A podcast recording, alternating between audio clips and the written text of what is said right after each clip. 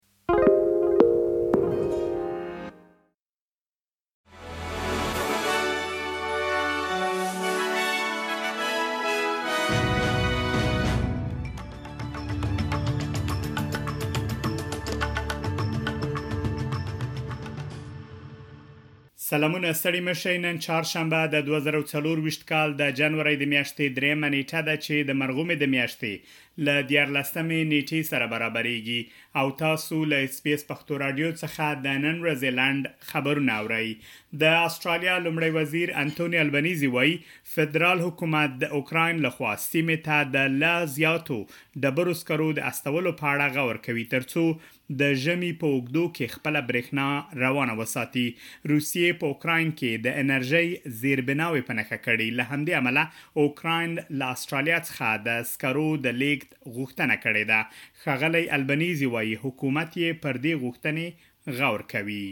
د لبنان په مرکز بیروت کې د حماس ډلې د یو جګپوړي چارواکي له وژل کېدو وروسته ملګرو ملتونو د اعظمي زغم غوښتنه کړې ده. که اسراییل د دغه برید تر شا وي، نو دا به د منځني ختیځ په شخړه کې زیاتوالی راولي. د حزب الله ډلې مشر حسن نصرالله ژمنه کړې چې په لبنان کې د فلسطیني چارواکو په نښه کولو غچ به واخلي.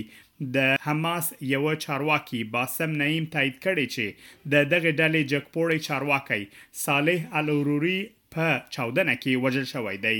د اسراییلو لومړي وزیر بنیامین نتنیاهو د اکتوبر په اوومه د حماس له خوا د اسراییلو پر جنوبي سیمو له برید مخکې د عروری د وژلو ګواښ کړی و.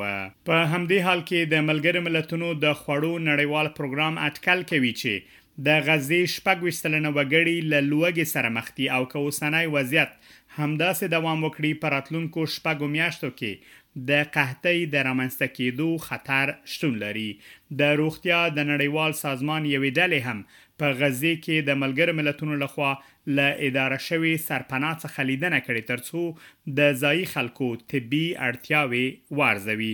دوی وايي، ډېری مشورې د تنفسي، معدې او د پوستکي د ناروغیو لپاره ترسره کېږي، مګر ډېری ناروغان د سرطان، زړه، عصبي او داسې نورې روغتیايي ستونزې لري چې تر یوې کچې پاملرنې ته اړتیا لري چې نه شي کولای دغه خدمتونه ورته برابر شي. په جاپان هیواد کې د وروستۍ زلزلې د تلفاتو شمیر مخ په زیاتیدو دی. د دوشنبې په ورځ د جاپان په مرکزي برخو کې د ریکټر په کچه اووه اعشاریه شپږ درجې زلزله وشوه او خلکو ته یې مالي او ځاني زیانونه واړول. وروستۍ زلزلې لږ تر لږه پنځه پنځوس کسان وژلي او په ځینو ځایونو کې نوي سلنه کورونه یې ویجاړ کړي دي. دا هم یو سپورتي خبر د پاکستان د کرکټ ملي لوبډلې پخوانی لوبغاړی شاهد افریدي وایي که چیرې ورته فرصت برابر شي نو حاضر دی چې د افغانستان د کرکټ ملي لوبډلې د روزونکي مسؤلیت پر غاړه واخلي ښاغلی افریدی چې اوس مهال استرالیا ته په سفر راغلی د اس بي اس پښتو رادیو د دغه پوښتنې په ځواب کې چې آیا د غوښتنې په حالت کې به د افغانستان د ملي لوبډلې د روزونکي مسؤلیت ومني او کنه ویلي که چیرې ورڅخه غوښتنه وشي یا فرصت برابر شي حاضر دی چې ملاتړ وکړي. دا وه د نن ورځې لنډ خبرونه چې ما مجیب منیب تاسو ته وړاندې کړل. تر بیا مو الله مل شه.